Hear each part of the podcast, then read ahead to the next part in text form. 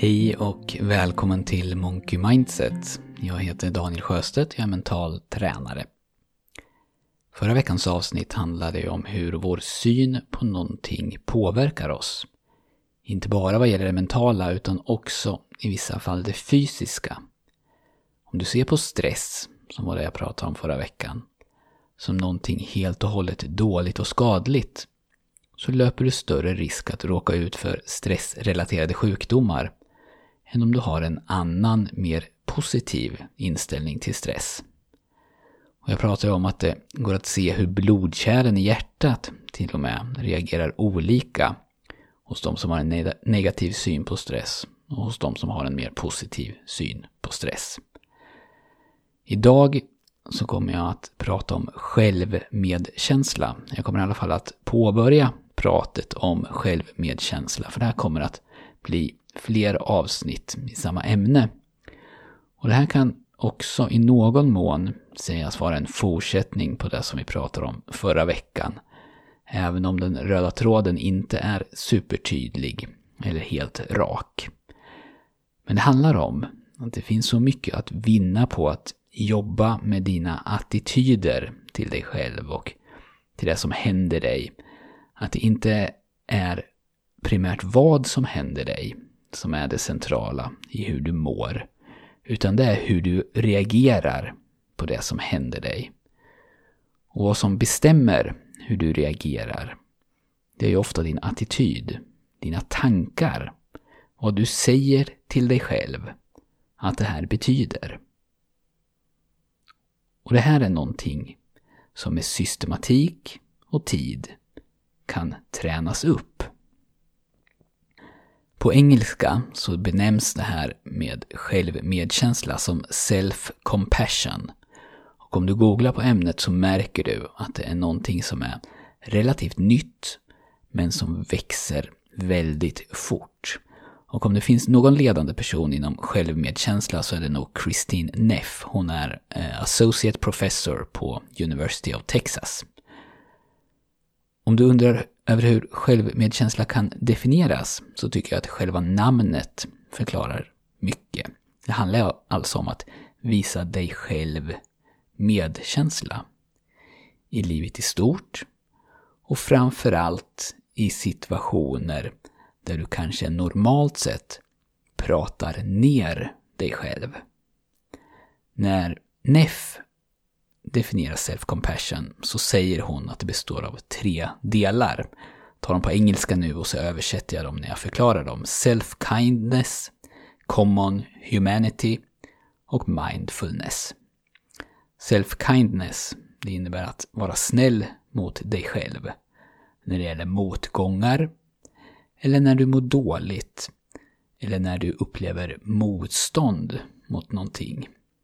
Att alltså försöka undvika dels den kritiska inre rösten och dels tendensen som många av oss har att ignorera eller förneka, att hoppas att det försvinner eller att smärtan lindras om vi bara inte tänker på det.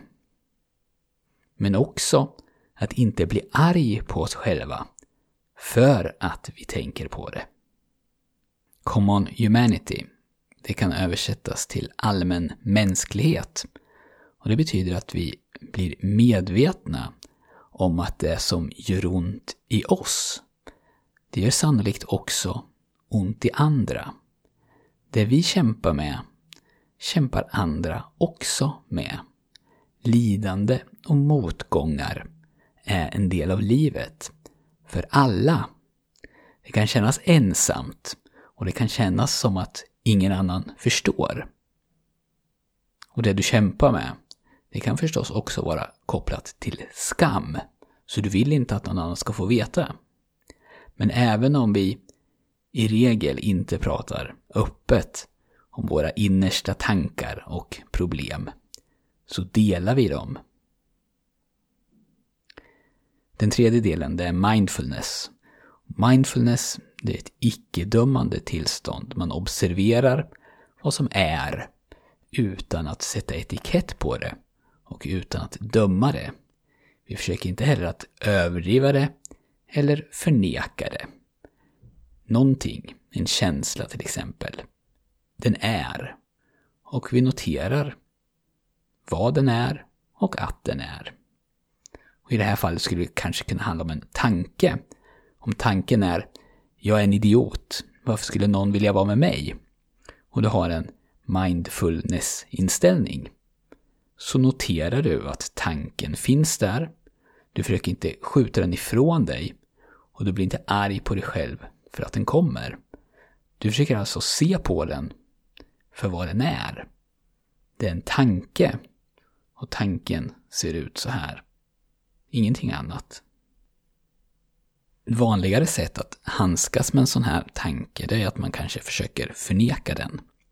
Förneka att den finns genom att försöka tränga undan den. Säga till sig själv att jag får inte tänka så här. Eller så försöker man att överrösta den. Intala sig själv att jag är inte alls en idiot, jag är bra, jag är bra, jag duger, jag är bra. Och mindfulness är ingen superkraft i den meningen att du helt plötsligt blir immun mot att må dåligt eller att prata ner dig själv. Men du blir mer medveten om de här sakerna. Så risken att ditt självprat, din tanke, jag är en idiot, varför skulle någon vilja vara med mig?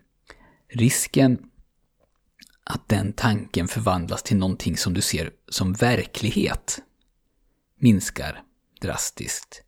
Och jag menar här, det är ju att det är så lätt hänt att vi går från att ha en tanke till att identifiera oss med tanken. Om jag säger till mig själv tillräckligt många gånger att jag är en idiot, börjar jag till slut att se mig själv som en idiot. Och då vet jag plötsligt att ingen skulle vilja vara med mig på grund av att jag är ju en idiot.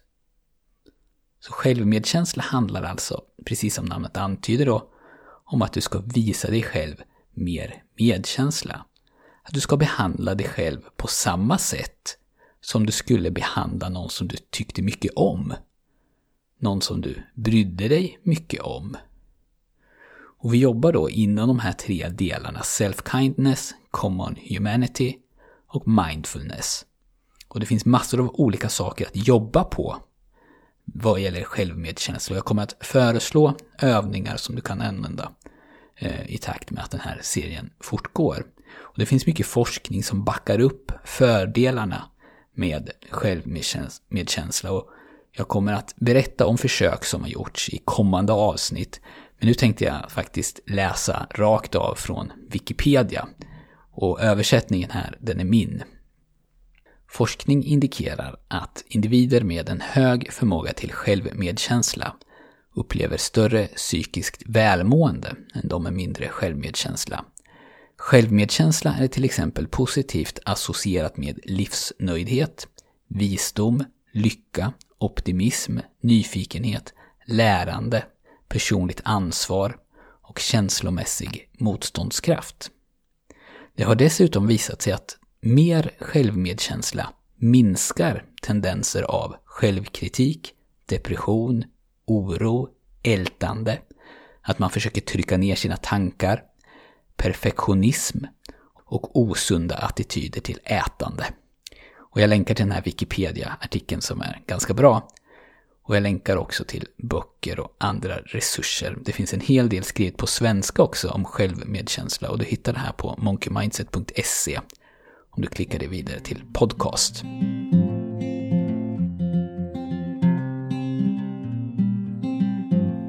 Vi kommer som sagt att prata mer om det här ämnet framöver, men för att det ska kunna ha någon chans att ha en effekt på ditt liv så behöver du, som alltid, göra någonting.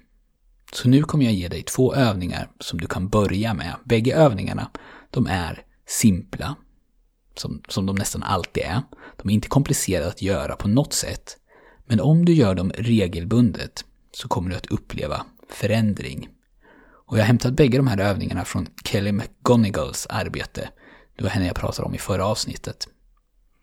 Den första övningen, det är en kort meditation, ungefär 5-10 minuter, varje dag. Där du sitter med slutna ögon och noterar din andning. Och så fort du märker att din uppmärksamhet har gått någon annanstans, och det kommer att hända många gånger, så börjar du att notera din andning igen. Och det är allt. Den andra övningen, det är en skrivövning.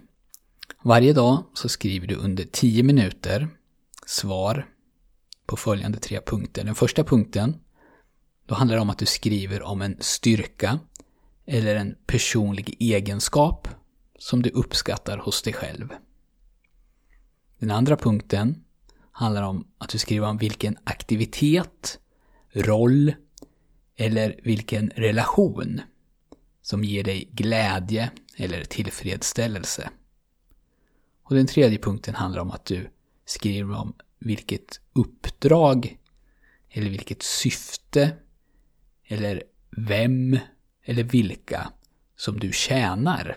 Vad gör du gott för? Så om du tänker om dig själv och skriver om dig själv från de här utgångspunkterna, vad du bryr dig om, vad du bidrar med och vem du verkligen är. Alltså inte vem du är om du lyssnar till ditt kritiska självprat, utan vem du verkligen är. Då har det visat sig att, de, att om man bara gör den här övningen en enda gång så har den effekt på hur motståndskraftig man är nästa gång man upplever en motgång. Man blir mindre kritisk till sig själv. Och man visar lite mer självmedkänsla vid motgångar eller lidande. Men en sån här effekt ebbar ju ut såklart om man bara gör det en gång. Så om du vill ha effekt så behöver du göra det regelbundet. Två ganska korta övningar. Och om du vill ha den här skrivövningen på papper och om du vill att jag ska guida dig genom den här korta meditationen så har jag gjort en pdf med skrivövningen och jag har gjort en ljudfil med meditationen som du kan hämta på våra fria medlemssidor. Och du får tillgång till dem genom att du går in på monkeymindset.se och så klickar du på knappen där det står klicka här. Och det var allt för den här gången. Om du vill börja jobba med det här, om du känner att du skulle kunna tjäna på eller må bättre om ditt självprat blev snällare, så råder jag dig att börja här och nu. Dedikera lite tid varje dag till dig själv och till ditt mentala välmående. Och se hur du med tiden sakta men säkert förändras i din syn på dig själv och den du är. Du får jättegärna prenumerera på podden i din poddspelare och om du lyssnar via iTunes så skulle jag uppskatta en recension. Tack så mycket för att du har lyssnat och jag hoppas att vi hörs snart igen.